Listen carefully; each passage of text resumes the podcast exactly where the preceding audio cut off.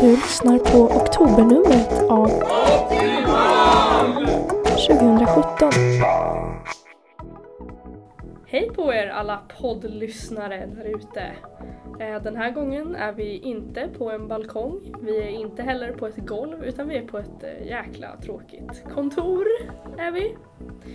Ehm, och eh, Emma, min eminenta Emma, hon är, hon är på plats som vanligt.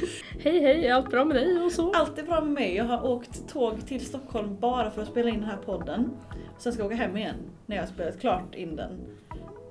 Så så det, det, är, det känns lite fancy att säga ah, jag ska åka till Stockholm, jag ska spela in en podcast, jag ska åka hem igen. Eh, och vi har månadens gäst med oss också som är Kristoffer Tellin. Tjena! Tjena! Och eh, om ni undrar varför min eh, röst är lite knäpp så eh, har jag haft eh, halsfluss den närmsta tio dagarna sådär. Ehm, nog pratat om det. ja, verkligen. Jag vill Ingen vill höra. Nej, detta är inte Halsflusspodden. Vad är det för podd? Det här är US-podd. Eh, och eh, den här månaden ska vi prata mestadels om den vita käppen. För det har ju varit den vita käppens dag den här månaden. Den Ja. 15 oktober. Precis. Och det, då tyckte vi att eh, men den vita käppen kan faktiskt vara ganska intressant att snacka om. Så det betyder att vi egentligen har tre extra poddgäster. Jag vet inte om ni tog med era poddgäster in, men det gjorde jag i alla fall. Jag tog inte med mig tyvärr. Nej, men... Nej just det, han står vid dörren, det såg jag. Ja, precis. Så- nej, så vi har ju poddgästerna Blenda, Wilmer och Jessica. Ja, precis. alltså, eh, alltså våra respektive vita käppar. För att jag tycker att allt, alla saker som är en, en nära borde ha ett namn. Och konstigt nog så är det inte bara jag som tycker detta, det borde vara bara jag. Men, eh, men det är någonting som, alltså det är ganska många som gör det faktiskt. Ja, alltså det är fler än vad man skulle kunna tro Ja. som har valt att döpa sina käppar. Sen måste jag ju då för eventuella då som inte har, känner så många personer med synnedsättning sedan tidigare så måste jag också säga att det finns ganska många som inte döper sina käppar också. Men innan vi börjar prata om de vita käpparna så ska vi ju ha vårt eh, månadens eh, inslag från US-verksamheten. Eh, och den här månaden så ska vi svänga förbi Göteborg och mässan Mötesplats funktionshinder. Um, och vi ska lyssna lite på um, den också eminenta USaren Rakel Eriksson. Uh, hon blir intervjuad av Peter Liljekrona och berättar lite om syntolkning. Och i början av det här inslaget så kommer hon att berätta uh, om vad hur det kom sig att hon kom i kontakt med syntolkning uh, från första början när hon började höra talas om det. Jag tror att jag var tonåring innan jag upptäckte syntolkning och upptäckte möjligheten att det finns både på teater, biofilmer och liknande. Och då var det väl vissa särskilda evenemang som man gjorde genom föreningslivet så man fick saker syntolkade och det blev en helt ny upplevelse. Det blev som ja, men en guldupplevelse av något som kanske var en vanlig upplevelse innan för att man hängde med på helt andra villkor än vad man gjorde tidigare. Ja, men du ser ju någonting. Du ser ju ganska bra va? Jag ser 1%. För mig innebär det att jag ser konturer och kontraster. Så när jag får syntolkning så hjälper det mig om jag får en syntolkning att nu kommer Maria i den blå kappan in på scen till exempel. Ah, men aha, då ser jag liksom, då kan, jag, för- då kan syntolkning hjälpa mig att förstå vad det är jag ser framför mig. Eh, Och det, det är på teater du, du tänker då?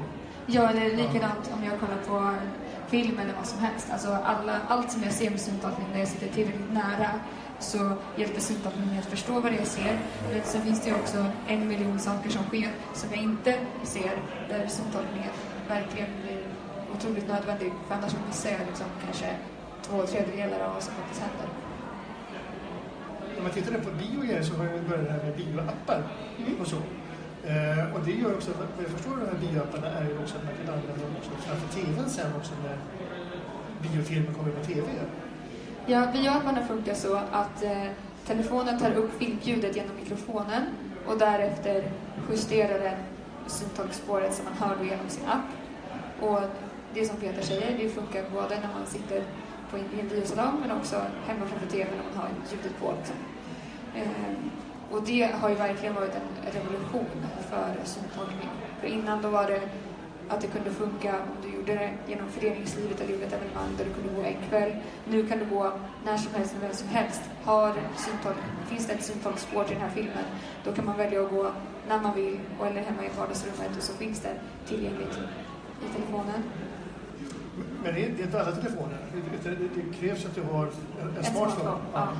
En smartphone. Men jag vet också att vissa eh, SRF-distrikt som har gjort för de personer som är äldre som kanske inte har en smartphone så kan man göra ett eh, alltså, föreningsevenemang där man eh, liksom gör att man använder en utrustning som gör att du kan ha en telefon som sänder ut till alla som sitter där om det är någon som inte har en smartphone själv. Men jag skulle säga att det är ju mest tillgängligt för de som har en egen smartphone eller någon som känner någon som har en smartphone. Så det är klart att det är äldre personer som inte använder smartphone blir kanske inte helt inkluderade i det som sker. Men eh, desto mer smartphone-användandet kommer ut och desto mer utbildningar som också görs inför grupper som inte är vana smartphone-användare så får de tillgängligheten till sig. Och sen så behöver man jobba med eh, att kvaliteten, för det kan variera väldigt mycket i kvaliteten med hur syntolkningen blir beroende på hur mycket förberedelsetid syntolkarna får inför att göra någonting som blir inspelad syntolkning. Och sen är det också en sak som kan skilja från live till inspelad syntolkning är att om du läser in ett manus så kan risken vara att det låter väldigt uppläst och inläst istället för att du kanske låter mer engagerad och följer filmhandlingen med din röst när du gör någonting live. Så det är ju någonting som de som gör inspelad syntolkning får jobba en del med för att det ska liksom låta, låta bra låta lite mer levande. Ja, precis. Eh, Det är en hel del som numera eh, arbet- arbetar med syntetiska röster. Mm. Att man har liksom en inspelad röst, inte en äkta röst. Jag tycker att det tar bort den levande, alltså det levande i syntolkningen när man använder en alltså talsyntes-röst. Det tycker jag är synd. Eh, Men varför, varför gör man det då? Är det bara för att är det kvantiteten man vill komma åt att man ska kunna Ja, säga att man har syntolkat det här? Ja, precis. Det blir, det blir kvantitet. Det är precis som eh, med inlästa, eh, alltså när man läser in böcker en talsyntes gör det istället för att en person får göra det. Det är liksom kvantiteten som räknas men kvaliteten blir inte lika bra.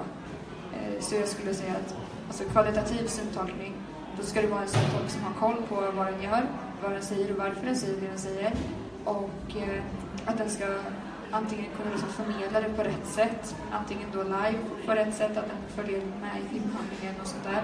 Eller att när man spelar in ett syntolksband så att man gör det levande. Liksom.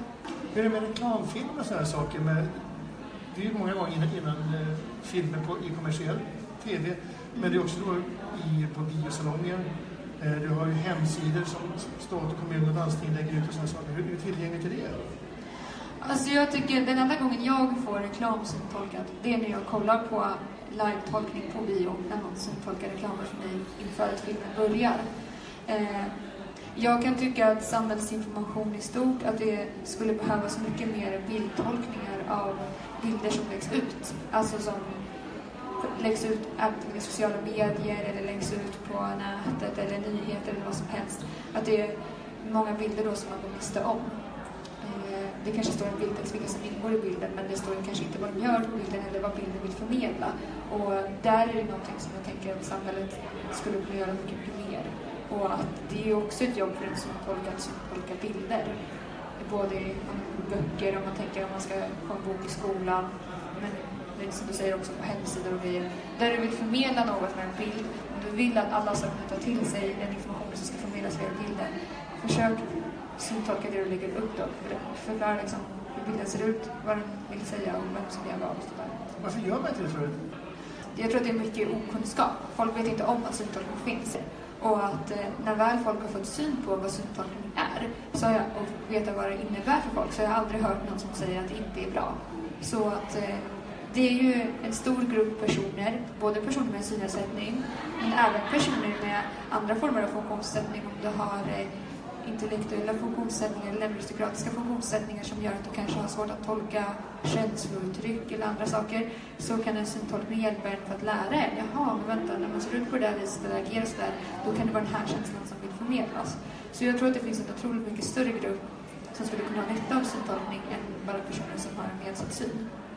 Eh, och där tror jag att eh, om det får fäste, om man skulle kunna börja använda sig av det och även eh, barn, yngre barn som får lära sig snabbt att uttrycka sina känslor i ord eller sätta ord på ja, men, hur saker och ting ser ut. Jag tror att det kan också göra att man får ett större språk, alltså bredare språk. Sådär, då, var vi, då lämnar vi Göteborg och återvänder till det tråkiga, kontoret. I det här klippet så pratar de ju en del om, eh, eller de pratar ju på slutet en del om eh, reklam. Mm. Alltså, och det tyckte jag var lite spännande. Eller så här, jag funderade lite på så här, har ni så här tänkt på det? Eller så här, är det någonting som ni känner att ni saknar? Att så här, reklamfilmer och typ så här reklamspottar på nätet, att ni inte kan ta till er dem? Man har ju en skylt ingen reklam tack på brevlådan av en anledning. Jag tycker att den, den är väl lika giltig på internet. Eller om jag, jag kan tänka mig skillnaden på bio är att då är det ju oftast inte reklam för produkter utan reklam för andra kommande filmer. Och där kan man ju kanske se att det skulle vara intressant att få reda på vad det var för någonting. Men reklam i övrigt så kan jag nog säga att jag är nöjd som det är. Eh. Mm. För att då, det, det de pratade om är ju också att så här, alltså all reklam är ju inte så här företagsreklam. Det finns ju också så här reklam, alltså som i, alltså när typ myndigheter och sånt vill så här, göra reklam för saker. Är inte det så här, också så här, kan, är man inte rädd att så här, missa någonting viktigt? Typ? Jo, men det är ofta sådana typ skyltar som står, sitter uppe på stan och sånt. Och det går ju inte riktigt att göra tillgängligt. Ska skyltarna stå och ropa på stan? Det vore å andra sidan underbart att bara gå förbi en skylt som ropar ut myndigheternas budskap. Hämta gratis kondomer på ungdomsmottagningen! Ja! Varje fredagkväll är det bara efter jag som hade tyckt att det klockan. var skitstörande? Om, Jo, vi är också ganska ironiska. Obs! Sk- skulle vara lite roligt de första fem minuterna. Men Ja. nu, Jag tänker att det är så här, varje fredagkväll efter klockan 11 kan den skylten börja skrika typ så här. Det är också Hela väldigt roligt om den ropade så klicka för när mer information så måste man gå till skylten och visa att det här tycker jag är spännande. Nej förlåt, det blev, det blev, det blev podd in the gutter nu. Sidospår. Ja det är bästa med podd. Men jävligt nice. Ja!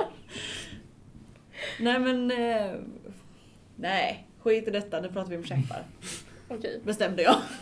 Jag tar Okej. över podden som vanligt. Okej, vi, vi återvänder till eh, våra gäster Wilmer, Ja. Glenda och Jessica. Ja, jag tänker att vi kan väl börja med lite så här snabba käppfakta. Eller så här, absolut. jag tänker så här, för det är ju en del som lyssnar på den här podden som kanske inte har så bra koll på kanske vad är egentligen poängen med vit käpp? Mm. Vad är grejen? Det kan ju låta jättesjälvklart för många men alltså Men det är det ju inte. alla vet ju uppenbarligen inte. Men vita käppen är ju för jättemånga olika saker. Alltså till att börja med så finns det ju två sorters. Eller alltså det finns ju många olika men alltså två, två funktioner av den och det är markeringskäpp och teknikkäpp. Och det visste inte jag förrän jag gick i högstadiet kanske. Eh, och markeringskäpp är ju bara för dig som ser ganska bra men ändå vill liksom markera hej här kommer jag. Så ni vet. Typ. Så då har vita käppen funktionen att visa att jag ser inte dig. Ja precis. Typ. Um, så blir inte arg när jag går in i dig. Uh, pretty much. Medan teknikkäppen är ju den som, eh, som, som vi alla tre har. För vi ser inte någonting någon av oss. Nej. Och, ehm, och den har ju många olika funktioner den också egentligen.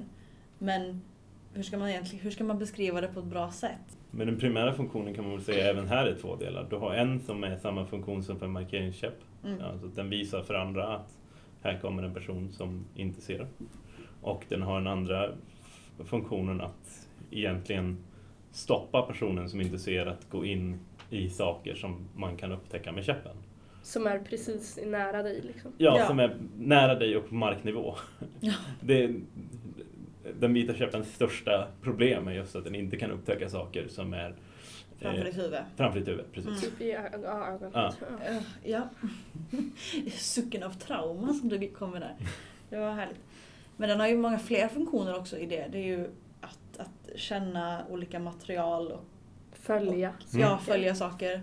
Och också ljudet av en käpp tror jag är underskattat. Mm. Alltså att, att när jag lyssnar, när jag går med käppen så hör jag ett hus framför mig. Mm. På ett helt annat sätt om jag bara skulle gå. Du har skillnad mellan olika ekon. Ja Beroende precis. på hur, alltså om käppen, när käppen slår i någonting så hör du om det liksom Mm. ekar eller inte. Ja, den hjälper ju till att känna igen dels materialet den rullar på genom det ljudet och sen dels som man kom in på lite grann om, om hur omgivningen ser ut. Eh, just om det är stort, tomt och ekande eller en hård yta bredvid Mm. eller om det liksom är öppet och så. Då kommer det ju låta framförallt tystare är väl vad man skulle kunna beskriva det som. Att Ja. Det blir ett högre ljud om det är instängt. Liksom. Så väldigt kort sammanfattat så har käppen de två huvudfunktionerna, eller den vita käppen har de två huvudfunktionerna att dels visa för omvärlden att jag ser inte dig och dels att du kan känna dig fram, alltså känna vad som finns i din precisa närhet, alltså typ inom den närmsta halvmetern, metern typ, Mm. runt dig. Att du kan dels navigera efter det men också undvika att gå in i till exempel stolpar och träd och sånt. Kul. Ja. Mm. När, eh, om vi börjar med dig Kristoffer, när fick du din, eller har du något minne av när du fick din första käpp? Min första käpp, min första riktiga käpp, eller Nej, är alltså min- din, för, ditt första kontakt med den Eh, vita Ja, käppen. alltså. Jag vet att jag fick träna med något hjälpmedel som skulle göra liknande funktion som den. Fast då, det var mer som någonting man rullade framför sig. Som jag visserligen också Som tror var... en vagn, Ja, vad? så den hade ett hjul. Eller jag har haft två varianter. En Mm. hade två hjul och en pinne mellan sig och sen en, som en handtag upp. Och den andra hade som ett hjul och sen båge runt och så ett handtag som såg ut som en... Den måste ha sett extremt eh, annorlunda ut. Eh, men jag vet att jag hade dem när jag var yngre. Jag var nog inte så förtjust i att använda dem eller en vanlig käpp till en början. Hur gammal var du då när du hade de där med hjul? Alltså det var ju kanske... Alltså jag måste ju haft dem. Jag vet att de skulle envisat med att jag skulle fortsätta använda dem även någon gång så här på lågstadiet. What? Ja, eh, förmodligen för att jag själv vägrade att använda en vanlig, en vanlig käpp. För att jag ansåg mig inte behöva den. Ehm, så ja, som sagt, där någonstans där på låg mellan Eh, där på slut, mellanstadiet så var jag, var jag nog inne på att börja använda, börja- började använda en vanlig käpp och insåg nyttan av den. Eh, men jag hade en vanlig långt innan det, det vet jag. Jag hade en, en vanlig där jag gick i trean också. Emma, när fick du din första käpp?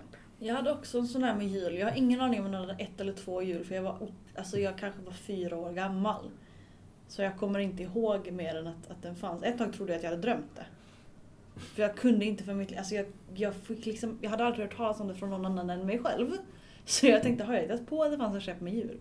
Men nej, det fanns en käpp med hjul och jag hade den. Eh, Jag använde den nog aldrig en enda gång, tror jag. Men det är, alltså, det är så många hjälpmedel jag har haft och aldrig använt. Det är många, det är många pengar som har slösat på mig. Det kan man, det kan man säga. Förlåt alla skattebetalare. det är en officiell ursäkt från mig. Min första käpp, den fick jag, alltså jag vet inte exakt när det var men jag tror att jag var i eh, fem, sex års åldern. Ja, fem, ja, kanske lite, ja. Någon, sluten av min dagistid fick jag, ha- har jag för mig att jag, eller liksom, det är mina första minnen av att jag hade en käpp liksom. Mm. Och då, då fattade jag väl kanske inte riktigt vad den var bra för. Eller liksom, alltså jag, jag har nog aldrig haft någon period där jag liksom har skämts för käppen men jag har ju haft så här att jag jag har nästan alltid haft käppen med mig och liksom trivts med att den är med och att jag kan känna saker mer än jag kommer ihåg att var jag ute på rasterna så hade jag ju alltid den med mig även om jag sprang runt med mina kompisar och höll i dem och sådär. Så ville jag ändå ha den. Typ men jag tror att jag kanske var en bit in på lågstadiet som jag verkligen började förstå vad man skulle ha den till. När fick du Kristoffer, har du något minne om när du fick någon sån här aha-upplevelse? Typ och bara käpp, fett bra grej ändå. Inte något speciellt moment. Alltså, jag sitter och tänker det här nu och jag vet, jag vet att jag använde den i, när jag gick i trean. Eh, för att jag kommer ihåg att vi behövde gå mellan två skolor då. eh, för en, en lektion och då vet jag att jag använder den för att jag hade här typiska problemet där kulan på käppen längst ner ramlar av hela tiden. Eh, eh, och, eh, och det kommer jag ihåg. Men jag vet ju att jag även använde, jag använde den väldigt mycket i slutet av eh, mellanstadiet och, och framförallt i högstadiet. Då hade jag den med mig överallt. Och jag tror att det är någonstans där jag började liksom förstå, aha, den hjälper mig. Om man ska säga. Liksom, eh, den har en funktion. Liksom. Har du någon sån aha-upplevelse Emma? Alltså det gick så himla eh, stegvis. Gradvis heter det. Stegvis? Något av dem. Eh, gick det för mig att jag... Jag började ju använda den på lågstadiet för att hitta mellan, ja, mellan matsal och skolhus och sådär. Och på det sättet så använde jag ju den. Men jag använder den inte. Jag använder den fortfarande inte när jag bara är ute och går och har ledsagning, vilket många gör.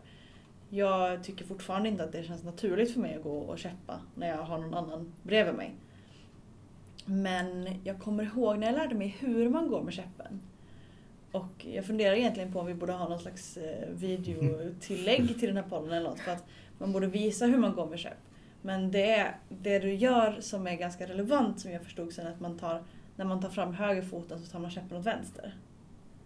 Så att det blir en, en, en naturlig... En pendel. Ja, En precis. här sned. Och det, när jag förstod det så var det också, jaha, det finns, ett, det, finns en, en, det finns en idé med det här. Det finns något man ska göra. Och när jag lärde mig att hålla i käppen och jag har varit på så många sådana här orienteringskurser och så vidare på syncentralen. Där de försökte tvinga på mig olika sätt att använda käppen. Och det, det är mycket, alltså problemet är att det är mycket tvång. För att det måste vara tvång. För vi måste lära oss. Men de flesta barn reagerar ju negativt på tvång. Så det var kanske när tvånget lättade lite och det istället blev ett behov som det fanns någonting att vinna på det. När ni går med käpp, är det några speciella så reaktioner som ni ofta får? De vill hjälpa till. Oavsett hur, hur bra jag går. Om jag går rakt fram längs en kant och inte har inget, något problem alls så kommer de kunna hjälpa dig. Nej, nej det, kan, det kan du inte. Men annars är det ingen som säger någonting. Eller så. Visst kan man få en del reaktioner men det är ju oftast barn eh, som har frågat varför har du den där? Bara, "För Det har inte aldrig ser." hänt mig tror jag. Inte? Jag bara, Varför har du den där? Är jag för att jag inte ser så bra? Den visar vart jag är. Jag ser. Ja, eh, Ja. bra för dig. men eh, Den fick jag av en vuxen människa en gång. Det var lite värre. annars tycker jag det, den, jobb, den jobbigaste hjälpen som folk tyvärr tror är bra och eh, som om du väljer att ta med det som eh, jag tycker att folk borde ta till sig av är att man ska inte lyfta den och dra mig i, i Vem gör så? Ja, men det alldeles för många ja. människor. Eh, Men den, det- du så här, gör ju- ja kom nu ska jag hjälpa dig och så tar de tag i liksom, i, i liksom änden på den och sen ska de dra mig till dit de Det tycker är att jag ett ska gå. övergrepp. Det är ett övergrepp. Jag skulle känna mig eh, antastad om någon gjorde så. Jag skojar inte nu. Jag skulle tycka det var fruktansvärt för det är en del av mig. Det är en kroppsdel på mig. Som de bara hugger tag i. Alltså det finns ju folk som också tar tag i, alltså jag Sina fötter, jag vet. Ja, typ i ens arm eller axel eller någonting och bara Jag, drar men jag tror nästan käppen hade varit värre. För att tänk, det- just, då, då ser ju inte jag någonting längre plötsligt. Som man, alltså jag, jag använder ordet se väldigt slängigt nu. Ehm, jag kom på det innan idag att man, folk inte förstår vad vi menar när vi säger så. Men uh, menar väl känna då. En hjälp som också är så himla ohjälpsam är ju när de liksom vill visa en rätt och jag är liksom, men du kan inte visa mig rätt för du vet inte vad min kant är. Mm. För du, du förstår inte mitt språk överhuvudtaget. Och du vet inte ens vart jag är på väg. Nej men om de nu frågar var jag är på väg Mm. och jag faktiskt kan berätta det. Men jag, det var ju det konstigaste, nu kommer jag bara på det. Någon gång gick jag där jag brukar gå vid universitetet i Lund och så var det någon som ropade efter mig. Jag tror han ropade Du går åt rätt håll! Ja men den, den har jag varit med om ganska Tack. ofta faktiskt. Alltså att folk så kommer fram till mig och bara nej du går fel. Hur vet Eller du det? nej, du, eller så här, åh nu går du rätt. Eller nej du går fel. Och man bara men du vet inte vart jag ska. Och oftast Du kan inte rätt. säga till mig att jag går fel när du inte vet vart jag är på väg någonstans. Oftast är det ju för att vi inte går i mitten av vägen och för, ibland så går vi ju en omväg för att, eller jag går i alla fall ofta en omväg för att hitta rätt kant. Alltså att man kanske svänger åt ett konstigt håll istället för att bara gå rakt över ett torg kanske. Har ni någon gång blivit stoppad av någon som bara vill tala om hur duktig ni är på att gå? Ja, Ja, alltså nu, det, det händer ju absolut. Men vad heter det, jag skulle säga att jag tycker inte att det är jättejobbigt. Alltså jag tycker att det finns värre saker jag kan råka ut för. Nej. Ja, ja, ja. Jag är väl lite så här, jag är typ så här, jag, tror, jag vet att det är väldigt många som blir väldigt irriterade och stör sig väldigt mycket på det. Jag är också lite så här att jag blir också ibland så himla Alltså ibland blir jag också väldigt medveten om att jag faktiskt är väldigt stolt över mig själv för att det faktiskt tar mycket längre tid och kräver mycket mer Mm. energi för mig att Mm. lära mig gå någonstans. Så ibland blir jag så här också lite glad när någon bara “vad duktig du är som gör det här”. Och jag bara “ja, jag vet, jag är faktiskt jävligt bra, ni jag skulle bara det- veta”. men det tycker jag är väldigt bra. Det tycker jag att vi borde lära oss bättre av. För att vi har ju en ganska raljant ton när vi pratar om de här seende som tycker att vi är så duktiga. Det är väl också för att jag tycker, har ni inget roligare för er än att stanna mig när jag går? Men vi är väldigt duktiga. För det kan vi också säga om det är någon seende som lyssnar och sånt, att det är svårt. Ja, men precis. Och För ganska många så är det svårt. La till det för att och liksom att man, här. inte, att man inte underskattar, eller så här, det är så himla många som är väldigt så här, men som blir, verkligen blir jätteaggressiva och väldigt arga när, när någon säger en sån här sak till dem. Och liksom jag kan förstå det på ett sätt men samtidigt så alltså ska vi inte underskatta oss själva. Jag tror att folk borde också börja se att, men alltså, eller så här, att vi borde bli mer, bet, mer medvetna själva om att ja, men det vi gör är faktiskt inte helt enkelt. Det är inte superlätt att lära sig en ny väg på samma sätt som det skulle vara för en person som såg. Det är faktiskt svårare och då måste vi också kunna credda oss själva för att vi, att vi faktiskt klarar det. Mm. Och bara liksom, idag gick jag till bussen, och, eller inte för mig då för jag bor mitt över gatan från bussen, men där jag bodde förut så, och jag gick till bussen, jag gick inte vilse och det regnade. För det är svårare tycker jag att gå när det regnar för att man hör sämre eh, och eh, det blir ju vattenpölar vid ens kanter och så vidare. Då ska man unna sig och vara väldigt glad för det tycker jag. Ja men verkligen, att ku- kunna vara glad för de här små sakerna. Liksom. Mm. Jo, och jag har generellt inget problem med folk som, som säger att jag är duktig på någonting eller frågar hur jag klarar av det. Mm. Eh, framförallt så, jag är faktiskt villig att stå ut med det mesta av folk som kommer och frågar mig saker. Eh, folk som börjar komma och anta att jag behöver hjälp, eh, Nej, det- då, då finns det en risk att jag är lite mindre trevlig. Men frågar man om man behöver hjälp, och det tycker jag är en sån sak som oavsett om man själv inte ser eller så, så är det mer lämpligt att fråga, kan jag hjälpa dig? Eller Absolut. än att bara ta Mm. tag och bara, du, kom med mig.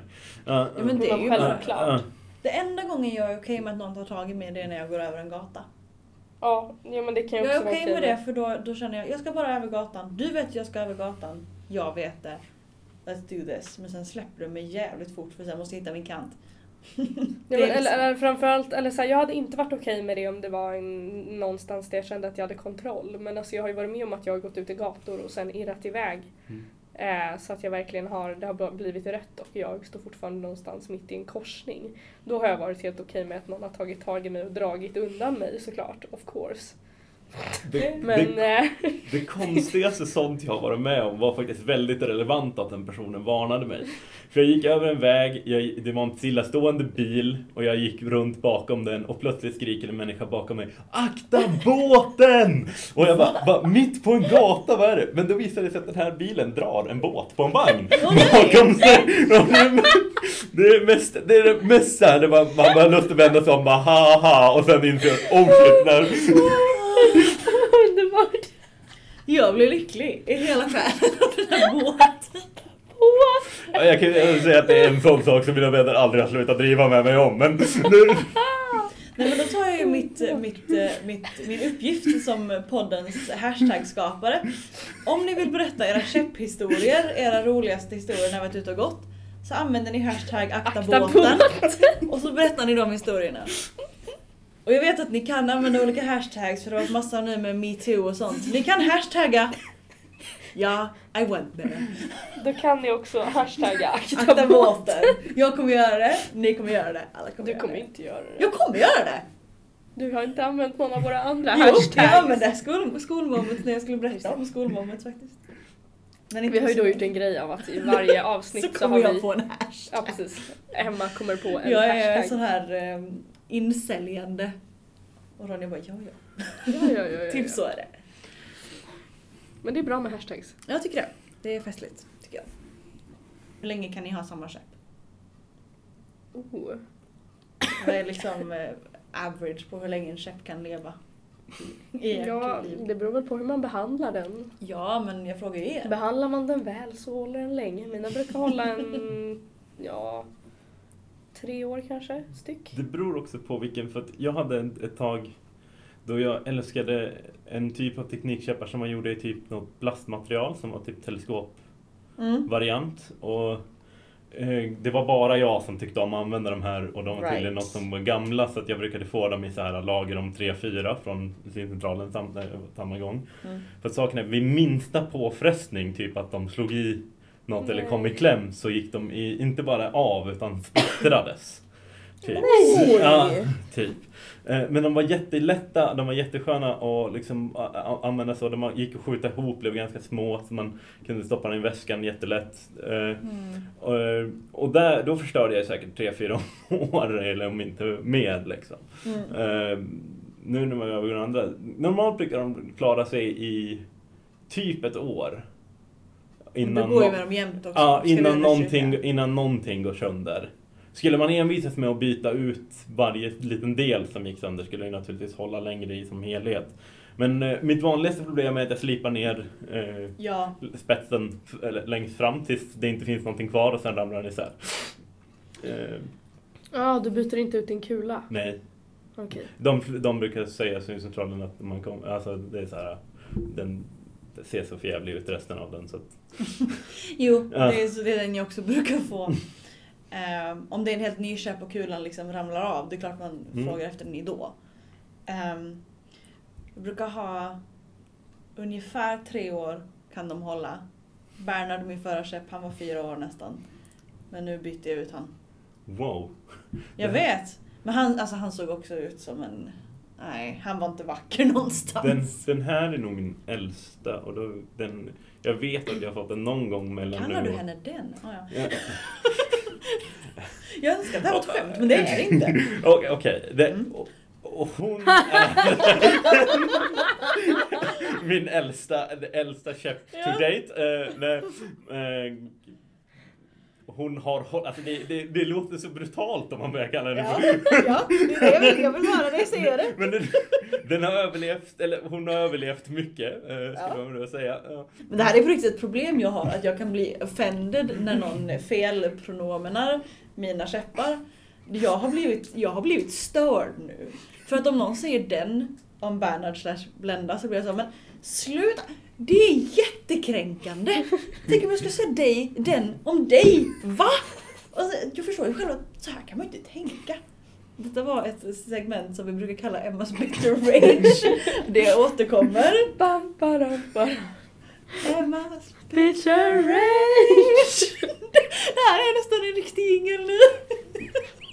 Ja, vi har använt det två gånger i Ja, alla fall. faktiskt. Min käpp som jag har nu, den är väl kanske två och ett halvt. Och jag menar den är ju, jag har bytt, Va? Jo, jag trodde, jag trodde han var äldre. Ja, förlåt. nej men han är två och ett halvt Mm. skulle jag, Okej. ganska säker eh, på det. Men nu, han, han har ju jag bytt kula på en gång men jag kommer inte kunna byta kula igen för den har börjat bli för sliten under kulan. Mm. Så att när den här kulan är nersliten då är det dags Och det är den ju snart. Ja, kulan bytte jag inte för så jättelänge sedan så det är nog ett tag kvar som okej den kan leva. Men däremot är ju kabborbandet, alltså ehm, vissa modeller av käppar har ju ett kabborband som Mm. gör att när du viker ihop käppen så kan du sätta ihop den så att den inte fäller illustrera. ut sig hela tiden. Detta är Blenda. Hennes coverband. Nu kan fälla ihop henne. Jag ska binda ihop henne så här. Det var min ljudillustration av det som... Alltså man virar kabborbandet runt själva Ja, käppen så att den inte kan fälla ut sig hur som helst. Ehm, och liksom det har blivit så nerslitet nu så nu kan jag knappt fälla ihop min käpp. Det är lite... Mina brukar väldigt, väldigt sällan sitta kvar i mer än ett och ett halvt år. Coverbanden. De, går, de liksom går av. Jag vet inte riktigt hur jag gör det men jag tror det är mitt fel på något sätt. att jag liksom pillar på det och så ramlar det av. Så jag tycker det är jätteskönt just nu när jag har en ny käpp och "Oj, jag kan binda ihop den, jag kan bara lägga den framför mig på bordet. Vilken lyx! När ni är ute och går med käppen, alltså hur tycker ni? Eh, nu har vi pratat lite om så här, vad ni får för, så här, alltså, för reaktioner men alltså tycker ni att folk är bra på att respektera den vita käppen? Typ bilister, cyklister, när ni går över gator, alltså typ så här. Det är svårt att veta. För att om de respekterar oss så ser vi inte dem. Eller hur? Men däremot vet du ju om någon inte har respekterat dig och du har gått Jo, rakt precis. in i dem eller blivit händer nästan ganska påkörd sällan. eller så. Det händer ganska sällan att jag går rakt in i folk. Ska jag ändå säga. Jag skulle ändå säga att folk är faktiskt väldigt bra på det. Mm. Jag menar, ibland lite för bra. Nej, men alltså, ibland så att jag känner mig lite skyldig när man har råkat gått in i någon eller typ Mm. sprungit på deras cykel eller något. Och eh, de kommer att be om ursäkt för att den stod där den borde stå och jag gick fel. Liksom. Och då känns det lite grann som ibland att Mm. Ibland är det lite för bra, men det är dumt att gnälla för att det är för bra också. Så det ska man kanske inte göra. Nej. Jag tycker att det kan vara ganska både och. Alltså att det kan finnas, alltså det är verkligen den här, jag kan ju få supermycket ångest typ när jag har fällt ett barn eller någon som går Har du fällt ett barn? Det har hänt. Det har väl Äh, alla. Nej! jag, har fällt, jag har fällt både barn och gamlingar och lite av varje. Då kan jag få så himla ångest när det verkligen är den där typ så här att jag bara hur gick det? Och den som har ramlat bara förlåt. Jag bara alltså det var jag som fällde. Alltså, om den här podden hade haft så här titlar så hade jag kallat det här numret för Alla har vi fällt ett barn. Ehm, eh, jag kan inte minnas att jag har fällt ett barn. Men jag har nästan fällt min syster. Det var roligt men det var hennes fel. Hon står rakt framför mig, vad ska jag göra? Ni har aldrig lyckats eh, få käppen i ett cykelhjul? Jo, det har jag faktiskt. Det var jävligt jobbigt att ta loss den. Det ja. Den satt fast ordentligt. Men eh, nej, men nej det är inget kul att få käppen Jag i är inte så cykeln. äventyrlig tror jag. Det har både lyckats med det och blivit påcyklad. Eh, Åh nej! Så att de körde rakt in i den. Den köpen kan jag säga gick direkt till skräphögen. Åh nej, vad hände med käppen? Den var helt knäckt. Åh nej! Och det var ändå en sån metallvariant. Ja, när, när de faktiskt knäcks, då är, det, då är det vackert. Jag lyckades, alltså jag hade en som var halvknäckt. Eh, för den hade klämts mellan stolar på en arena, som man gör. Och så lyckades jag liksom knäcka det sista med mitt ben. Nej. När jag hade benet över käppen. Så mitt i en mening bara Jag dödade min käpp! Har också varit med om när jag var liten att jag bara fällde ut käppen och hälften ramlade ner på marken. Det, bara liksom, det fanns inget support system kvar i käppen så den bara låg på marken. Alltså, jag, jag har ju ett fint minne av en käpp som jag hade som var ganska gammal och utsliten och som började bli ganska böjd. Och så hade jag en kompis som tyckte att så här. Åh, ja men den ser så fin och krokig ut. Undrar vad som händer om man trampar på mitten av den nu Mm. när den är så här böjd. Och den gick ju verkligen rakt av på mitten. Mm. Eh, och den, det, var, det var en metallkäpp. Det kommer jag ihåg. Det, det var ett fint eh, kärt minne av eh, vacker vänskap. Ja det var... Hur Jag, den jag, kan jag, se jag, jag blev jättearg när du berättade om det här. Jaha, jag tänkte fråga om det var du Emma. Alltså, men, Nej, men- Nej, det var, det var inte Emma. Nej, det var en eh, seende väninna till Det var en mig. seende väninna. Som tyckte att det var en kul Det grej var att göra. Jag blev liksom... Det är liksom apropå att inte kanske respektera den käppen. Det är ju verkligen inte respektera den vita käppen. Ja. Nej men annars tycker jag väl typ så att det kan väl vara, alltså när jag går, jag, det jag tror jag stör mig mest på det är ju när jag går på så här i tunnelbanan, ofta inne i stan, så är det många som hoppar över min käpp. Ja, just det! Eh, och det tycker jag ju spontant är en väldigt dålig, alltså så här, jag får väldigt mycket den här, okej alltså skyll dig själv om du ramlar ner på spåret och blir överkörd av tunnelbanan. Oj, nu slår de höga växlarna här. Alltså men det är ju verkligen den, alltså folk fattar inte att de riskerar sina liv så himla hårt när de verkligen gör den så här att de de jag går och kanten. käppar, ja men jag går och käppar och så kommer det någon och typ så här hoppar över min käpp samtidigt som jag lyfter den. Alltså på det sättet har jag också fällt några människor. De har nostalgiska minnen av att hoppa hopprep. Mm. Man bara, men alltså hoppa inte över den. Den kan liksom, det, det är inte så att den kommer vara still bara för att du Nej. hoppar. Men detta hade jag mycket i, i högstadiet men jag märkte det aldrig själv. Utan det, jag, vet inte, jag vet inte hur de gjorde detta. Men jag bara stampade på och så sa min assistent som jag hade då att du är medveten om att folk hoppar över din käpp? Nej. Så sa hon höj, hö- höj den högre. De ska få jobba lite tycker jag. Jag vet inte varför de skulle hoppa över det, det är så himla konstigt. Men det är så himla konstig grej, jag fattar inte varför folk gör det. Alltså varför kan de inte bara då typ så här stå stilla och vänta på att jag ska gå förbi eller gå åt sidan? Eller vad, vad som helst. Bara inte hoppa över den. Alltså det är bara så dumt, framförallt för deras egen skull då eftersom det Ja, blir väldigt, väldigt lätt att jag kan fälla krokben för någon. Där måste ju du ha förlorat ett antal käppar också. Nej, jag har inte, inte förlorat någon käpp på det faktiskt. Inte i tunnelbanan överhuvudtaget. Nej, men jag har fällt folk. Ja, okej. Inte fällt ner någon på spåret. Eh, tack och lov har jag inte gjort det. det. Det hade jag faktiskt tyckt var väldigt jobbigt. Mm. Ehm, det har jag inte gjort.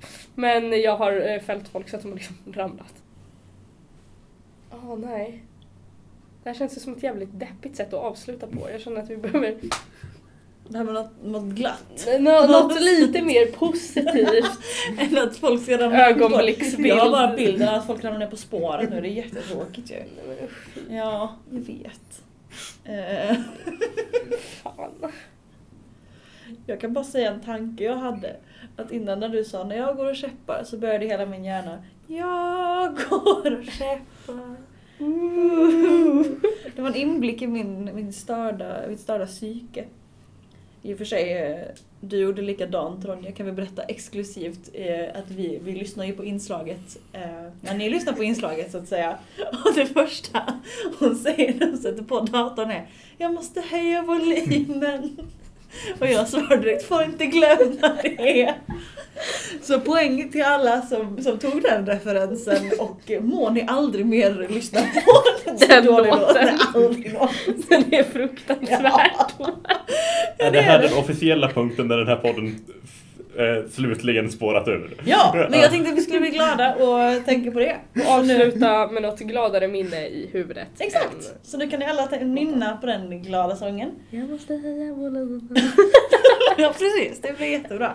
Nu kan du berätta vad vi kan, vad ni kan, eh, vad folk kan, vad heter det? Nu kan du berätta vad folk kan få tag på oss. Ja, självklart, Ja. självklart, självklart. Oss kan ni alltid få tag på i de sociala medierna, så att säga. Vi har vår Facebook-sida, Unga med synnedsättning. Där kan man alltid gå in och eh, kommentera vad man har hört för spännande. Eh, Hashtag eller, akta båten. ja men precis, eller skriva något under hashtag akta båten. Eh, eller så kan ni gå in på våran Twitter och nu ska vi se om jag för en gångs skull kommer ihåg vad vi har för Twitternamn. Ja! Jag tror att vi har Twitternamnet snabela ungsyn.se! Ja! Glömmer Tredje alltid- gången gilt! Ni anar inte vad vi har kämpat med detta. Ja, jag glömmer alltid bort vårt Ja. Twitternamn. Men nu, äntligen, har det satt sig Ja. i mitt huvud. Så att på snabela ungsyn.se kan ni hitta oss på Twitter. Och där kan ni också typ eh, tagga oss och skriva att ni har lyssnat på oss och vad ni, skriva vad ni tycker eller skriva på hashtag aktabåten. Ni kan såklart också eh, gå in på våran Soundcloud där vi också heter Unga med synnedsättning. För där hittar ni alla våra tidigare avsnitt. Så där kan ni till exempel gå in och höra vad vi hade för underbara skolmoments i Ja. förra avsnittet. Eller, Från golvet. ja men precis från golvet. Eller höra på något annat kul Ja. som vi har gjort tidigare.